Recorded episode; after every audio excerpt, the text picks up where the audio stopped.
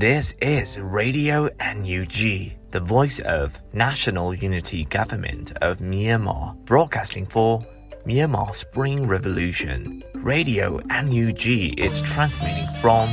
shortwave 16 meter 17.79 megahertz at 8:30 a.m. and 25 meter 11.94 megahertz at 8:30 p.m. Myanmar Standard Time. မင်္ဂလာပါခင်ဗျာ အမျိုးသားညီညွတ်ရေးအစိုးရရဲ့အတန်လွင့်ဌာန Radio NUG ကိုမနက်ပိုင်း၈နာရီခွဲမှာလိုင်းတို16မီတာစက္ကန့်တက်သမ9 MHz ညပိုင်း၈နာရီခွဲမှာလိုင်းတို25မီတာ17တက်သမ6 MHz တို့မှာဓာတ်ရိုက်ဖမ်းယူနိုင်နိုင်ပါပြီမင်္ဂလာအပေါင်းနဲ့ပြည့်စုံကြပါစေအခုချိန်ကစပြီး Radio NUG အစီအစဉ်တွေကိုဓာတ်ရိုက်အတန်လွှင့်ပေးနေပါပြီ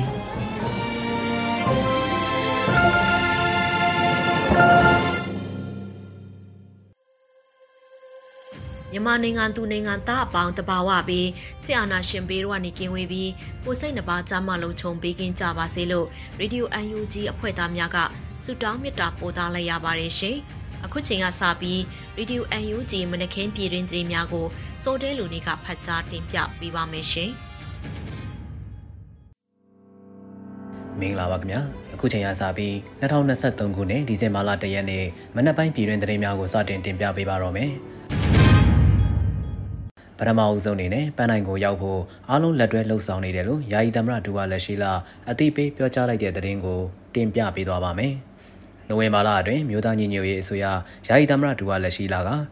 The Global and Mail သတင်းဌာနရဲ့တွဲဆုံမေးမြန်းခြင်းကိုဖြေကြားချက်မှာအခုလိုဆိုထားခြင်းဖြစ်ပါတယ်။တိုက်ပွဲတွေကနိုင်ငံမြောက်ပိုင်းမှာဖြစ်နေတာမဟုတ်ပါဘူးအလဲပိုင်းရောတောင်ပိုင်းမှာပါဖြစ်နေတာပါကျွန်တော်တို့ပန်းနိုင်ကိုရောက်ဖို့အားလုံးလက်တွဲလှုပ်ဆောင်နေပါတယ်လို့ဆိုထားပါတယ် လက်ရှိမှာမြို့သားညီညွတ်ရေးဆိုရဟာတိုင်းရင်းသားတော်လှန်ရေးအင်အားစုများနဲ့စစ်ရေးနိုင်ငံရေးပူးပေါင်းကအတူတကွလှုပ်ဆောင်လျက်ရှိကြောင်းသိရှိရပါတယ်ခင်ဗျာဆက်လက်တင်ပြပေးမှာကတော့ NUG အစိုးရအောက်ရှိအခြေခံပညာကျောင်း6000ကျော်ရှိပြီးတိုင်းရင်းသားဒေါ်လာရေးဒေတာရှိကျောင်းပေါင်း1000နဲ့ကျောင်းသား8သိန်းကျော်ထိရှိလာတဲ့တရင်ကိုတင်ပြပေးသွားမှာဖြစ်ပါတယ်။ NUG အစိုးရအောက်ရှိခြေကံပညာကျောင်း6000ကျော်ရှိပြီးတိုင်းရင်းသားတော်လှန်ရေးဒေသရှိကျောင်းပေါင်း1000နဲ့ကျောင်းသား8သိန်းကျော်ထိရှိလာတယ်လို့ပြည်ထောင်စုဝန်ကြီးဒေါက်တာတူးခေါင်ကဆိုရှယ်မီဒီယာမှာအသိပေးဆိုထားပါတယ်။ဒီနေ့ပြုလုပ်တဲ့ဂျာကာလာဒေသန္တရပြည်သူ့အုပ်ချုပ်ရေးဗဟိုကော်မတီစည်းဝေးမှာပညာရေးဝန်ကြီးဌာနရဲ့တင်ပြချက်အရ NUG အစိုးရအောက်ရှိအခြေခံပညာကျောင်းပေါင်း6000ကျော်ရှိပြီးတိုင်းရင်းသားဒေါ်လာရေးဒေသကျောင်း1000လောက်ရှိတယ်လို့ပြောထားပါတယ်။ ကျောင်းသားကျောင်းသူ၈သိန်းကျော်ရှိတဲ့အစိမ့်မြင့်ပညာရေးကျောင်းများလည်းသိပ္ပံဝိဇ္ဇာအထူးပြုဘာသာပေါင်းစုံတက္ကသိုလ်များမှာစက်မှုတက္ကသိုလ်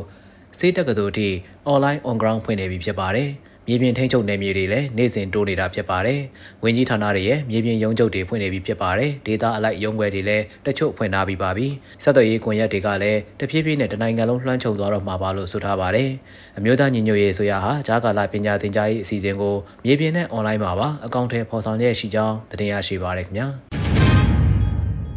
ဂျာကာလာဒေသန္တရပြည်သူ့အုပ်ချုပ်ရေးဖော်ဆောင်မှုဘိုးကော်မတီစည်းဝေးကျင်းပတဲ့တဲ့ရင်ကိုဆက်လက်တင်ပြပေးသွားပါဦးမယ်။အမျိုးသားညီညွတ်ရေးဆိုရာဂျာကာလာဒေသန္တရပြည်သူ့အုပ်ချုပ်ရေးဖော်ဆောင်မှုဘိုးကော်မတီစည်းဝေးအမှတ်စဉ်48မြင်းဆောင်2023ကိုနိုဝင်ဘာ30ရက်နေ့မှာကျင်းပခဲ့ကြပါတယ်။အစည်းအဝေးမှာဂျာကာလာဒေသန္တရပြည်သူ့အုပ်ချုပ်ရေးဖော်ဆောင်မှုဘိုးကော်မတီအဖွဲ့ဝင်အလုံသမားဝင်ကြီးဌာနပြည်ထောင်စုဝင်ကြီးနိုင်ထွန်းပေခနိုင်သူဝနာမှအဖွဲ့မှစကားပြောကြားပေးခဲ့ပါတယ်။ဆက်လက်ပြီးတက်ရောက်လာကြတဲ့ဂျာကာလာဒေသန္တရပြည်သူ့အုပ်ချုပ်ရေးဖော်ဆောင်မှုဘိုးကော်မတီအဖွဲ့ဝင်များမှ40ခုမြင်းဆောင်2023တွင်ချမှတ်ထားခဲ့သောဆုံးဖြတ်ချက်ရှေ့လုပ်ငန်းစဉ်များနှင့်ပတ်သက်၍ပြည်စည်းမှုအခြေအနေများနှင့်ဆက်လက်ဆောင်ရွက်ရန်ကြံရှိသည့်လုပ်ငန်းစဉ်များကိုချပြရှင်းလင်းခဲ့ကြပြီးတက်ရောက်လာကြသောတာဝန်ရှိသူများမှအကျယ်တွင်ဆွေးနွေးခဲ့ကြပါသည်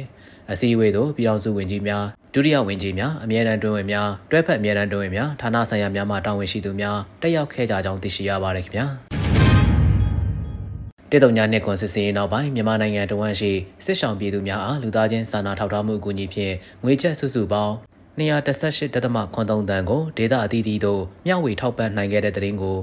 ဆက်လက်တင်ပြပေးသွားပါမယ်။နိုဝင်ဘာလ30ရက်နေ့မှာမြို့သားညီညွတ်ရေးအစိုးရလူသားချင်းစာနာထောက်ထားရေးနဲ့ဘေးရန်ရဲ့ဆိုင်ရာစီမံခန့်ခွဲရေးဝန်ကြီးဌာနကသတင်းထုတ်ပြန်ဖော်ပြထားတာဖြစ်ပါတယ်။ပြည်သူ့ကာကွယ်ရေးတပ်ဖွဲ့များနဲ့တိုင်းရင်းသားမဟာမိတ်တပ်ဖွဲ့များဟာတစ်တုံညနှစ်ခွန်စစ်စင်ရေးနဲ့ နေရာနှံ့ပြားမှာစခန်းသိမ်းတိုက်ပွဲများနဲ့မြို့သိမ်းတိုက်ပွဲများကိုဆင်နွှဲလျက်ရှိပြီးနေမြေစုံမှုများစတက်ရရှိလျက်ရှိပါတယ်။အမျိုးသားညီညွတ်ရေးဆိုရာလူသားချင်းစာနာထောက်ထားရေးနဲ့ဘေးရန်နယ်ဆိုင်ရာစီမံခန့်ခွဲရေးဝန်ကြီးဌာနသည်တိုက်ပွဲဖြစ်ပွားရာဒေသများရှိစစ်ပေးရှောင်ရက်သားပြည်သူများ၏လူသားချင်းစာနာမှုအကူအညီလိုအပ်ချက်များကိုတအားသရွေ့မျှဝေထောက်ပံ့လျက်ရှိရာမှာမီဇိုရန်ဒေသသို့စစ်ပေးရှောင်ကြရသည့်ပြည်သူများအပါအဝင်ပြည်내နဲ့အတိုင်း73ခုမှာစစ်ပေးရှောင်ပြည်သူများကိုကူညီထောက်ပံ့မှုများဆောင်ရွက်ပေးလျက်ရှိပါတယ်လို့ဆိုထားပါတယ်။ တေတုံညာနှစ်ခွန်စစ်စင်နောက်ပိုင်းတွင်အရသာပြည်သူ၄သိန်း9838ဦးဟာဆက်ရှောင်နေရပြီးအဆိုပါပြည်သူများအတွက်ဝန်ကြီးဌာနအနေဖြင့်အောက်တိုဘာလ29ရက်နေ့မှနိုဝင်ဘာလ30ရက်နေ့ထိလူသားချင်းစာနာထောက်ထားမှုအကူအညီဖြင့်ငွေကျပ်စုစုပေါင်း218.83တန်းကိုဒေသအသီးသီးသို့မျှဝေထောက်ပံ့နိုင်ခဲ့တယ်လို့သိရှိရပါတယ်ခင်ဗျာ။အခုတင်ပြပေးမှာကတော့ကောလင်းမြို့ရှိပုဂ္ဂလိကဗန်များ၏ငွေသားလက်ကျန်ကြက်ငွေတန်ပေါင်း 44,518.29ခုကိုစနစ်တကျလက်ခံရရှိထားတဲ့သတင်းပဲဖြစ်ပါတယ်။အဆိုပါသတင်းကိုနိုဝင်ဘာလ30ရက်နေ့မှာမြို့သားညီညွတ်ရေးဆိုရာဂျာကာလာဗဟိုဘဏ်ကတရားဝင်အသိပေးကြေညာခဲ့ခြင်းဖြစ်ပါတယ်။ အမျိုးသားညီညွတ်ရေးဆိုရာဂျာကာလာဗဟိုဘဏ်ရဲ့လမ်းညွှန်ချက်အရကောလင်းခရိုင်ပေါင်းဆက်ညီနိုင်ရေးအဖွဲ့ဟာကောလင်းခရိုင်ကောလင်းမြို့ရှိပုဂ္ဂလိကဗန်များကိုလုံထုံးလုံနည်းနဲ့အညီစီစစ်ထိန်းသိမ်းခဲ့ပြီးပုဂ္ဂလိကဗန်များ၏ငွေသားလက်ကျန်ကျပ်ငွေတန်းပေါင်း44,518.29ခုကိုစနစ်တကျလက်ခံသိမ်းဆည်းရရှိခဲ့ကြောင်း မှတ်ချက်များနဲ့အတူပူးတွဲပါအတိုင်းစီကံတင်ပြလာပါတယ်လို့ဆိုထားပါတယ်။ကော်လင်ခရိုင်ပေါင်းဆက်ညီနိုင်ရေးအဖွဲ့၏တင်ပြချက်အရအချို့သောပုဂ္ဂလိကဗန်များတွင်လုံခြုံရေးစီကြိုးပေါက်၍ဗန်ငွေတိုက်ခန်းဖော့ကိုဖောက်ထွင်းဝင်ရောက်ရန်ကြံစည်အားထုတ်ထားသည့်အထောက်အထားများတွေ့ရှိရပြီးအချိန်မီကာကွယ်တားဆီးနိုင်ခဲ့သောကြောင့်ပြည်သူလူထု၏အနံငွေများဆုံးရှုံးခဲ့ခြင်းမရှိကြောင်းသိရှိရပါတယ်။အမျိုးသားညီညွတ်ရေးဆိုရာဂျာကာလာဗဟိုဘဏ်အနေဖြင့်ကော်လင်ခရိုင်ကော်လင်မြို့ရှိပုဂ္ဂလိကဗန်များ၏ငွေသားလက်ကျန်လက်ခံသိမ်းဆည်းရရှိမှုကိုစည်ရင်သွင်းမှတ်တမ်းတင်ထားပြီးပြည်သူလူထု၏အနံငွေများနစ်နာဆုံးရှုံးမှုမရှိစေရန်တာဝန်ခံလျက်ဥပဒေနဲ့အညီပြည်ထောင်စုဗန္ဒာရေးရန်ပုံငွေအဖြစ်သတ်မှတ်၍စနစ်တကျစီမံခန့်ခွဲသွားမှာဖြစ်တယ်လို့သိရှိရပါတယ်ခင်ဗျာ။နွေဦးပံမှာအစုရှယ်ယာ STB တိုကန်တွေကိုဖြန့်ဝေဖို့စည်ရင်းချုပ်စီစဉ်နေပြီးတက်ဆိုင်ရာအကောင့်တွေထဲကိုစနစ်တကျပို့ဆောင်ပေးဖို့လည်းစီစဉ်နေတဲ့သတင်းကိုတင်ပြပေးသွားပါအောင်မယ်။အဆိုပါသတင်းကိုနွေဦးဖွံ့ဖြိုးရေးဘဏ်ကနိုဝင်ဘာလ30ရက်နေ့မှာအခုလိုအသိပေးကြေညာထားပါတယ်။ နှွေဦးပန်ရဲ့အစုရှယ်ယာရောင်းချပွဲကြီးလည်းပြည်သူလူထုရဲ့အပြည့်အဝအားပေးမှုကြောင့်မျှော်မှန်းတက်ခဲ့ကျော်လွန်တဲ့အထိအောင်မြင်ခဲ့ပါပြီ။အခုဆိုရင်နှွေဦးပန်မှာအစုရှယ်ယာ SCB တိုကန်တွေဖြန့်ဝေဖို့စည်ရင်းချုပ်စီစဉ်နေပြီးသက်ဆိုင်ရာအကောင့်တွေကိုစနစ်တကျအစဉ်စဉ်ပို့ဆောင်ပေးဖို့လည်းစတင်စီစဉ်နေပါပြီ။ယုံကြည်စိတ်ချစွာစိုးရိမ်ခြင်းအလင်းမရှိဘဲစောင့်ဆိုင်ပေးဖို့မြေတားရက်ခံအပ်ပါတယ်လို့ဆိုထားပါတယ်။ နွေဦးဖွံ့ဖြိုးရေးဘဏ်မှာဒေါ်လာ10သန်းမှုရှိအစုရှယ်ယာများကိုနိုဝင်ဘာလ18ရက်နေ့မှ29ရက်နေ့ထိရောင်းချပေးခဲ့ခြင်းဖြစ်ပါတယ်။နိုဝင်ဘာလ26ရက်နေ့မြန်မာစံတော်ချိန်ညနေ6နာရီမှာနွေဦးဘဏ်ရဲ့အစုရှယ်ယာရောင်းချမှုအမေရိကန်ဒေါ်လာ10သန်းပြည့်မြောက်ခဲ့တော့လဲသတ်မှတ်ရက်ထိရှယ်ယာများကိုဆက်လက်ရောင်းချပေးခဲ့ပါတယ်ခင်ဗျာ။ဆက်လက်တင်ပြပေးမှာကတော့တမူးခရိုင်တမူးမြို့နယ်အတွင်းစိုးမိုးသိမ့်ပိုက်နယ်မြေများရှိပြီးပြည်သူလူထုနဲ့တွဲဆုံဆွေးနွေးတဲ့သတင်းပဲဖြစ်ပါတယ်။စကိုင်းတိုင်း Federal Unit လွှတ်တော်ကိုယ်စားလှယ်ဦးမြင့်နိုင်ဦးဟာ ပြည်ထောင်စုလွှတ်တော်ကိုယ်စားလှယ်များတမူးခရိုင်မြို့နယ်ပြည်သူ့အုပ်ချုပ်ရေးအဖွဲ့များဒေသခံဒေါ်လာရင်းအင်အားစုများစုပေါင်း၍ဒေသတွင်းရှိတိုင်းသားမျိုးနွယ်စုပြည်သူလူထုနှင့်တွေ့ဆုံခဲ့တယ်လို့သိရှိရပါတယ်။ထို့သောတွေ့ဆုံရာမှာဒေသဆိုင်ရာအခက်အခဲလိုအပ်ချက်များပြည်သူ့အုပ်ချုပ်ရေးဆိုင်ရာကိစ္စရပ်များအပြင်သခိုင်း Federal Unit လွှတ်တော်မှပြဋ္ဌာန်းထားသည့်ဂျာကာလသခိုင်း Federal Unit ဖွဲ့စည်းပုံအခြေခံဥပဒေရေးဆွဲရေးကြိုတင်ပြင်ဆင်မှုဆိုင်ရာဥပဒေနှင့်အနာဂတ် Federal ရေးရာကိစ္စရပ်များကိုဒေသခံပြည်သူလူထုထံသို့တင်ပြဆွေးနွေးခဲ့ကြောင်းသိရှိရပါတယ်ခင်ဗျာ။ ကတာမျိုးနယ်ပြည်သူ့အုပ်ချုပ်ရေးအဖွဲ့မှနန်းစီရီယမ်များအလင်းဝင်ရောက်လာရန်ကြေညာချက်နှစ်ကြိမ်ထုတ်ပြန်ကြေညာခဲ့ရမှာပထမအကြိမ်တွင်56ဦးနဲ့ဒုတိယအကြိမ်တွင်29ဦးအလင်းဝင်ရောက်လာခဲ့တဲ့တဲ့တင်ကိုဆက်လက်တင်ပြပေးသွားပါမယ်။အဆိုပါတဲ့တင်ကိုကတာမျိုးနယ်ပြည်သူ့အုပ်ချုပ်ရေးအဖွဲ့မှအခုလိုအသိပေးဆိုထားပါတယ်။ကတာမြို့နယ်ပြည်သူ့အုပ်ချုပ်ရေးအဖွဲ့မှနန်းစီရီယမ်များအားအလင်းဝင်ရောက်ရန်ကြေညာချက်နှစ်ကြိမ်ထုတ်ပြန်ကြေညာခဲ့ရမှာပထမအကြိမ်မှာ56ဦးဒုတိယအကြိမ်တွင်29ဦးအလင်းဝင်ရောက်လာခဲ့ပါတယ်လို့ဆိုထားပါတယ်။၎ င်းကြေညာချက်မှာပါရှိတဲ့ကတာမြို့နယ်ပြည်သူ့အုပ်ချုပ်ရေး page ဖုန်းနံပါတ်အားအကြံဖတ်စစ်ကောင်စီကပိတ်သိမ်းသွားခဲ့ရမှာအကြံဖတ်စစ်ကောင်စီရဲ့အကြံဖတ်မှုများတွင်တောက်တိုင်နေဖြင့်ပါဝင်ဆောင်ရွက်လိုခြင်းမရှိသောအလင်းဝင်ရောက်လိုသူများအနေဖြင့် Telegram သို့ဆက်သွယ်၍အလင်းဝင်ရောက်ပေးကြပါရန်ထပ်မံအသိပေးထားကြောင်းသိရှိရပါတယ်ခင်ဗျာဆက်လက်တင်ပြပေးမှာကတော့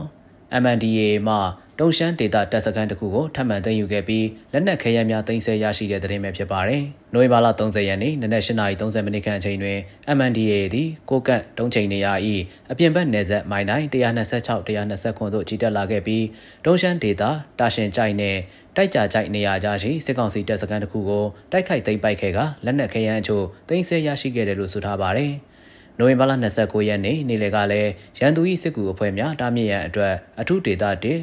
မူပန်သိန်းနီခရိုင်လုံခြုံရေးတပ်ဖွဲ့မှလာရှိုးနှင့်မူပန်သိန်းနီဆက်သွယ်ထားသောတရားကိုဖျက်တောက်ခဲ့ပါတယ်။နိုဝင်ဘာလ30ရက်နေ့နက်အချိန်တွင်လည်း MNDAA နှင့်ဒေသလုံခြုံရေးတပ်ဖွဲ့တို့ပူးတွဲပြီးမူပန်သိန်းနီခရိုင်တန်လွင်အုပ်စုတွင်လှုပ်ရှားနေသောစစ်ကောင်စီတပ်ဖွဲ့ကိုဒရုန်းဖြင့်၃ကြိမ်တိုင်တိုင်ပစ်ခတ်တိုက်ခိုက်ခဲ့ပါတယ်။ လက်ရှိချိန်ထိမဟာမိတ်တပ်ပေါင်းစုတို့ဟာစစ်ကောင်စီရဲ့တပ်စခန်းအကြီးအသေးစုစုပေါင်း186ခုသိမ်းပိုက်နိုင်ခဲ့ပြီးချင်းရွှေဟော်မုံကိုကွမ်းလုံပန်းဆိုင်နဲ့ကုန်းကျန်းစသည့်မြို့နယ်၅ခုကိုသိမ်းပိုက်ရရှိခဲ့သည့်အပြင်ချင်းရွှေဟော်မုံကိုပန်းဆိုင်နဲ့ကျင်းစန်းကျော်နေရာရှိနေဆက်ဂိတ်၄ခုကိုလည်းအောင်မြင်စွာသိမ်းပိုက်နိုင်ခဲ့တယ်လို့သိရှိရပါတယ်ခင်ဗျာ အခုနောက်ဆုံးအနေနဲ့တဝဲမြို့နယ်ပကာရီရဲစခန်းအနီးကင်းမုံဝင်နေတဲ့စစ်ကောင်စီတပ်သားများကိုကာကွယ်ရေးတပ်များကလက်နက်ကြီးများဖြင့်ပစ်ခတ်တိုက်ခိုက်တဲ့တဲ့ရင်ကိုတင်ပြပေးသွားပါမယ်။နိုဝင်ဘာလ30ရက်နေ့မှာတဝဲ Defense Team DDT ကစေရေးတဲ့ရင်ကိုအခုလိုတီးပြဆိုထားပါတယ်။တဝဲခရိုင်တဝဲမြို့နယ်ပကာရီကျေးရွာရဲစခန်းအနီးတွင်ကင်းမုံဝင်နေသည့်စစ်ကောင်စီတပ်သားများကို DDT တပ်ရင်းအပါအဝင် DDT တပ်ခွဲနှင့်နှင့် DDT တပ်ခွဲရဲဘော်များကဒီဇင်ဘာလ23ရက်နေ့မနက်ပိုင်းမှာလက်နက်ကြီး9လုံးဖြင့်တွားရောက်ပစ်ခတ်ခဲ့တယ်လို့ဆိုထားပါတယ်။ စစ်ကောင်စီတပ်များထိခိုက်မှုရှိနိုင်ပြီးစစ်ကောင်စီတပ်ဖွဲ့ဝင်များထိခိုက်မှုကိုတော့အတည်ပြုနေဆဲဖြစ်ကြောင်းသိရှိရပါတယ်ခင်ဗျာအခုတင်ပြခဲ့တဲ့သတင်းတွေကိုတော့ Radio NUG သတင်းတော့မင်းတီဟန်ကပေးပို့ထားတာပဲဖြစ်ပါတယ်ကျွန်တော်စောတဲလူနေပါ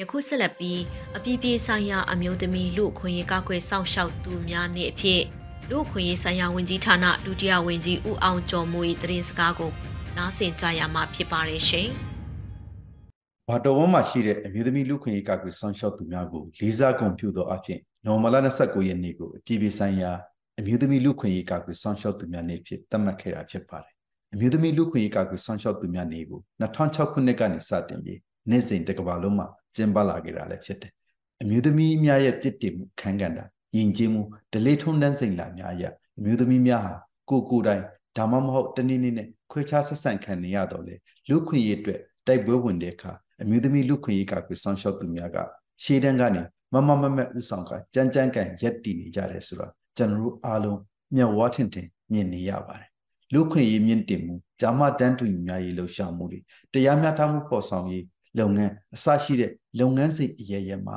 အမျိုးသမီးလူခွင့်ရေးကကွယ်သူများရဲ့ တကူရေစွမ်းဆောင်နိုင်ဆုံးအများကိုဥဆောင်နိုင်ဆုံးနဲ့ရေစွန်းတတိရှိပြီးတော့အများကျိုးအတွက်စွန့်လက်နစ်နာခံမှုတို့က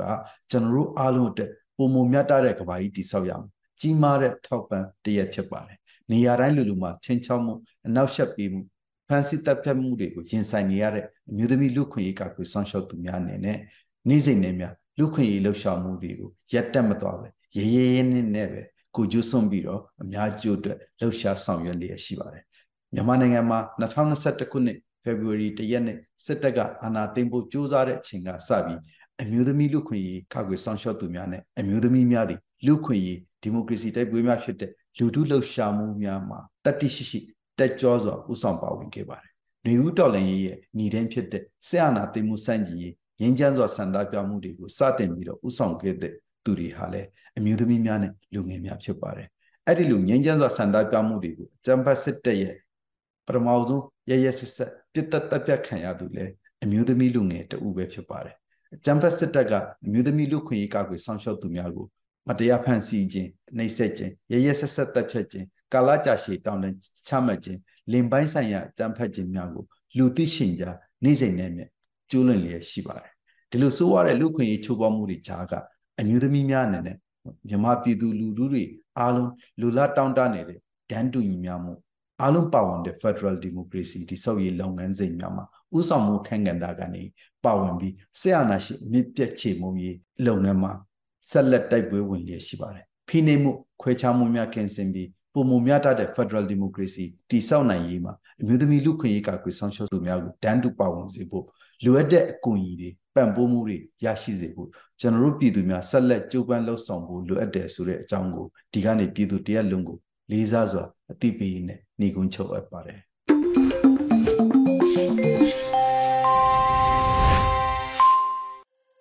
ရေဒီယို UNG မှာဆက်လက်တန်လှည့်နေပါတယ်။ယခုဆက်လက်ပြီးလူမျိုးလွန်ရေးသားထားတဲ့ຫນွေဦးတီတဲဆိုတဲ့တော်လိုင်းကဗျာတစ်ပုဒ်ကိုအောင်နေမျိုးကရွတ်ဆိုထားတာနားဆင်ရမှာဖြစ်ပါတယ်ရှင်။ ຫນွေဦးဒီဒီပန်းတွေပွင့်မှုຫນွေဦးကိုစောင့်ခဲ့တယ် ငါတို့အတူတူတောင်းယူလို့မရမဲ့အတူအတူတူတိုက်ယူကြရမယ်လမ်းမတွေဟာစစ်မြေပြင်ပဲလမ်းတွေတွေဟာကရုတ်ချင်းပဲနေအိမ်တွေဟာဘန်ကာပဲကိုရှင်ဘတ်ဟာကိုခန့်တက်ပဲသူသေးကိုရှင်ပဲမြို့ကြီးတွေမှာအနက်ရောင်အလံလွှင့်ထူလိုက်ကြပြီးကဘာကျော်ခန့်တက်ကြီးတွေစောက်ကြကျူးကျော်သူတွေကိုတွန်းလှန်ကြမိစ္ဆာစစ်ဘလူးအာနာယူကိုခုခံကြ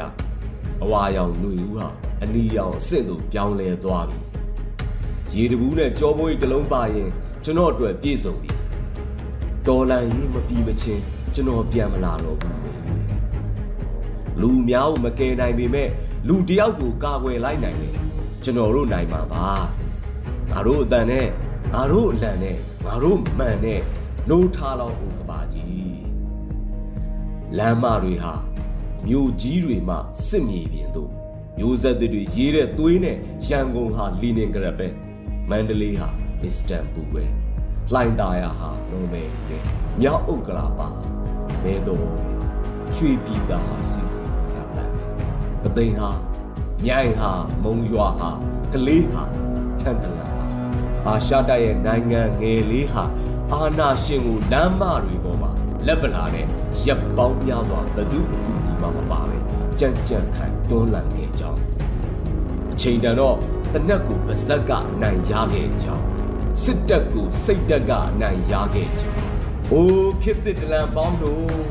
ငိုင်မြီးနေတဲ့ခမားတို့ရဲ့ဇွဲခုံတွေစီမှလိုးထားကြတော့စာတင်ကြောင်းကိုစွန့်ခွာခဲ့တော့ဆေးရုံတွေကိုမေ့ပြလိုက်ငါတို့အားလုံးရှေ့ကမ်းမှာစုံငါတို့ကိုနိုင်ကလက်နက်ပဲ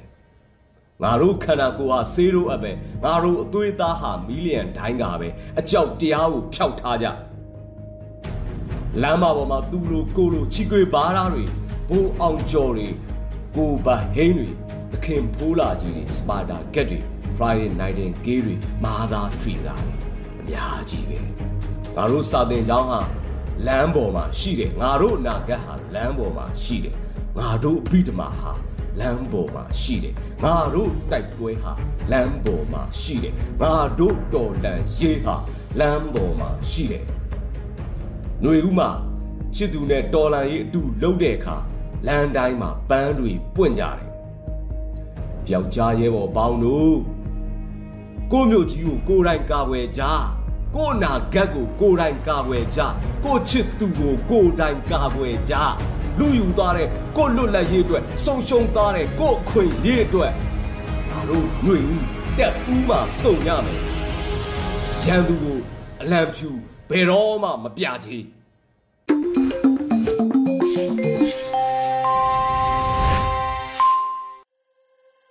ဆက်လက်နားဆင်ရမှာကတော့ကဘာတိုင်းဆုံးမောင်စစ်မုံရေးသားထားတဲ့ အကြားအမြင်ပိတ်တက်ရိတ်စွန့်ခွာမင်္ဂလာဆိုတဲ့တော်လှန်အစီကိုလွတ်လပ်နေဦးကဖတ်ကြားတင်ပြပေးပါမယ်ရှင်။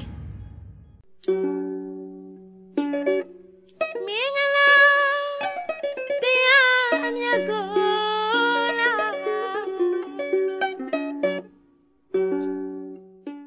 အကြားအမြင်ပိတ်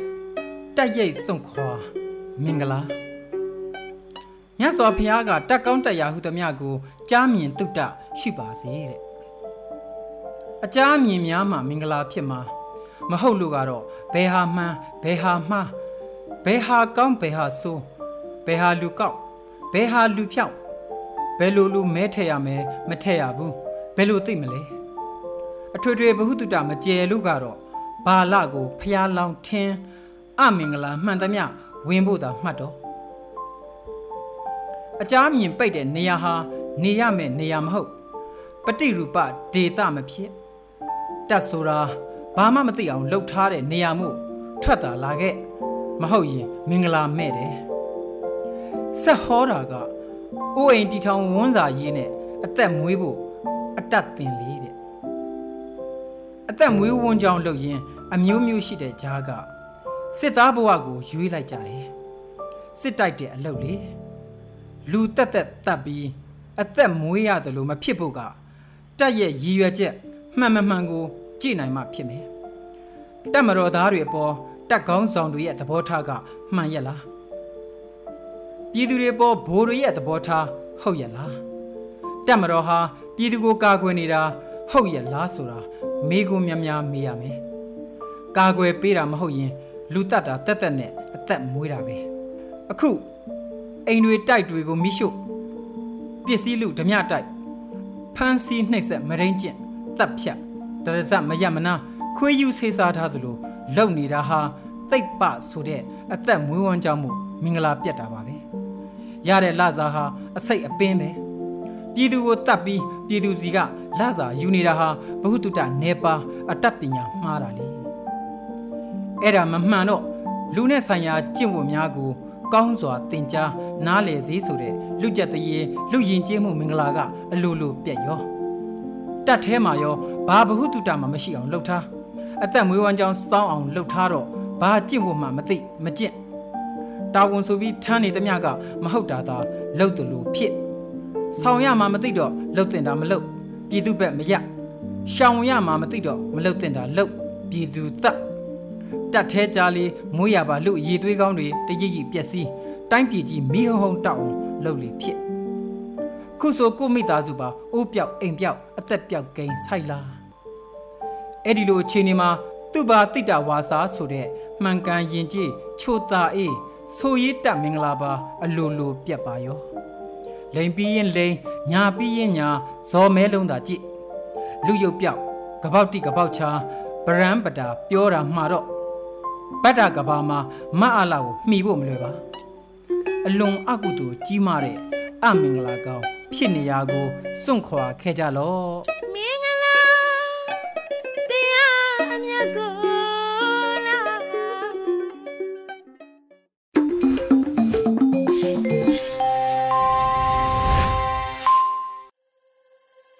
ဆက်လက်ပြီး PPTV နေ့စဉ်သတင်းများကိုနေချီကဖတ်ကြားတင်ပြပေးသွားပါမယ်ရှင်။ ခုချိန်ကစပြီး PPTV သတင်းတွေကိုတင်ဆက်ပေးတော့မှာပါ။ကျွန်မနေကြပါရှင်။ပထမဆုံးတင်ဆက်ပေးမယ့်သတင်းကတော့မြို့သမီးများနဲ့မိန်းကလေးများအပေါ်အကြမ်းဖက်မှုကိုတားဆီးရေးသကဝိုင်းဆွေးနွေးပွဲကိုမြို့သမီးလူငန်းနဲ့ကလေးသူငယ်ရေးဝန်ကြီးဌာနက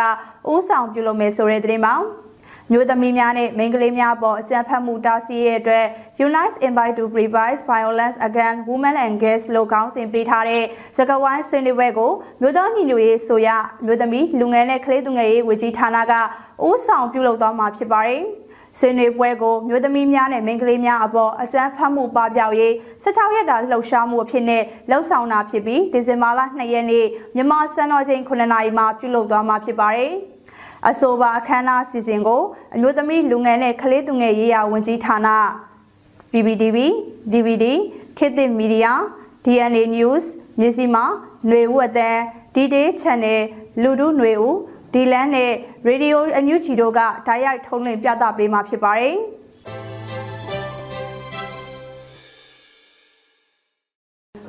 ထပ်မံတင်ဆက်ပေးမှာကဖရယ်ဝင်းရဲ့တာဝေးကင်းထောက်စစ်စေးရေးဒရုန်းတွေကိုစမ်းသပ်နေတဲ့မှတ်တမ်းဗီဒီယိုထုတ်ပြန်လိုက်တဲ့သတင်းမှာ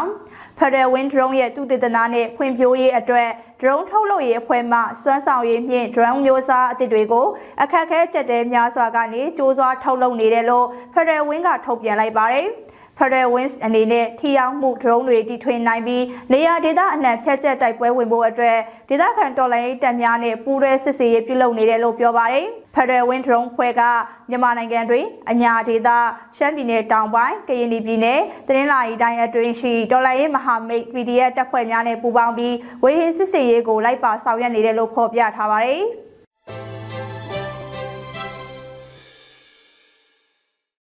အခုနောက်ဆုံးအနေနဲ့မြန်မာနိုင်ငံတဝန်းကလူမျိုးပေါင်းစုံဘာသာပေါင်းစုံပါဝင်တဲ့ဆီယနာရှင်မြစ်ဖြတ်ချင်းမုံရီလူလူဆန္ဒပြပွဲသတင်းတွေကိုစူးစီးတင်ဆက်ပေးမှာဖြစ်ပါတယ်။ရင်းမပင်မြို့နယ်ရဲ့အောင်လန်လွှင့်မီထောင်းသွင်းသည့်တပိတ်စစ်ကြောင်းကအကြမ်းဖက်စစ်တပ်ကြာရှုံးရေးဆန္ဒပြတပိတ်ကိုဒီကနေ့မှပြုလုပ်ခဲ့ကြပါတယ်။ဆန္ဒပြတော်လန်ပြည်သူတွေက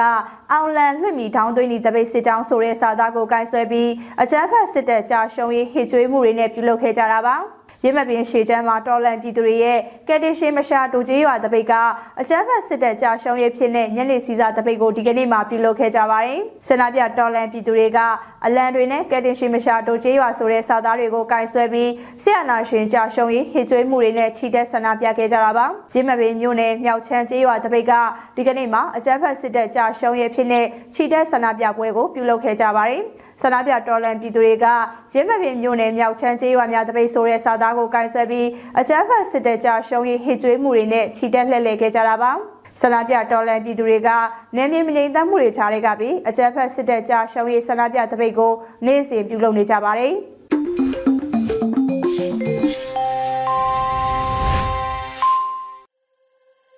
ဆက်လက်ပြီးတော်လှန်ရေးတိတ်ဂီတာအစီအစဉ်ကနေဇလိုင်းဟွန်အောင်လိန် CDF မင်းတပ် ရေးသားတည်ဆိုထားတဲ့ဘာမထီစစ်သေးဆိုတဲ့ဒေသချင်းကိုနားဆင်ကြကြရအောင်ရှင်။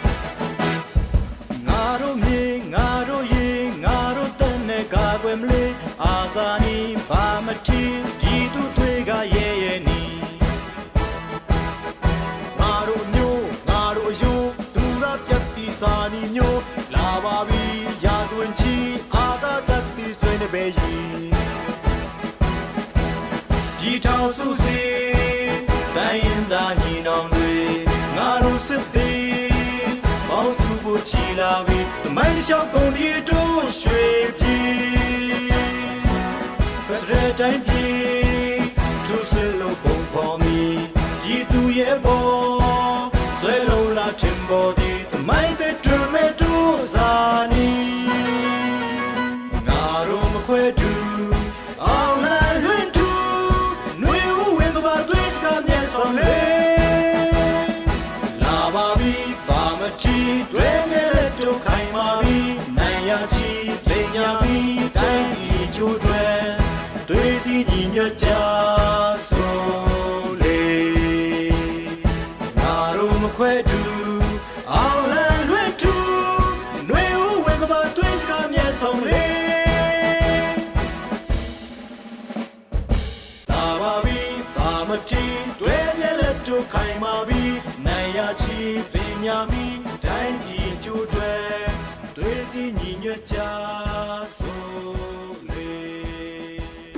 နေ့ကတော့ဒီညနေပဲ Radio NUG ရဲ့အစည်းအဝေးကိုခਿੱတရနာလိုက်ပါမယ်။မြန်မာစံတော်ချိန်မနက်၈နာရီခွဲနဲ့ည၈နာရီခွဲအချိန်တွေမှာပြန်လည်ဆုံးဖြတ်ကြပါစို့။ Radio NUG ကိုမနက်ပိုင်း၈နာရီခွဲမှာလိုင်းဒို16မီတာစက္ကန့်တသမ9 MHz ညပိုင်း၈နာရီခွဲမှာလိုင်းတုံ25မီတာ17.6 MHz တို့မှာဓာတ်ရိုက်ဖမ်းယူနားဆင်နိုင်ပါပြီမြန်မာနိုင်ငံသူနိုင်ငံသားများကိုယ်စိတ်နှပြကျန်းမာချမ်းသာလို့ ဘေးကင်းလုံခြုံကြပါစေလို့ Radio NUG အဖွဲ့သူအဖွဲ့သားများကဆုတောင်းလိုက်ရပါတယ်။အမျိုးသားညီညွတ်ရေးအစိုးရရဲ့စက်သွေးရေးတရင်အချက်အလက်နဲ့ဤပညာဝန်ကြီးဌာနကထုတ်လွှင့်နေတဲ့ Radio NUG ဖြစ်ပါတယ်။ San Francisco Bay Area အခြေစိုက်မြန်မာမိသားစုများနဲ့နိုင်ငံတကာကစေတနာရှင်များလှုပ်အားပေးများရဲ့ Radio NUG ဖြစ်ပါတယ်။အရေးတော်ပုံအောင်ရမည်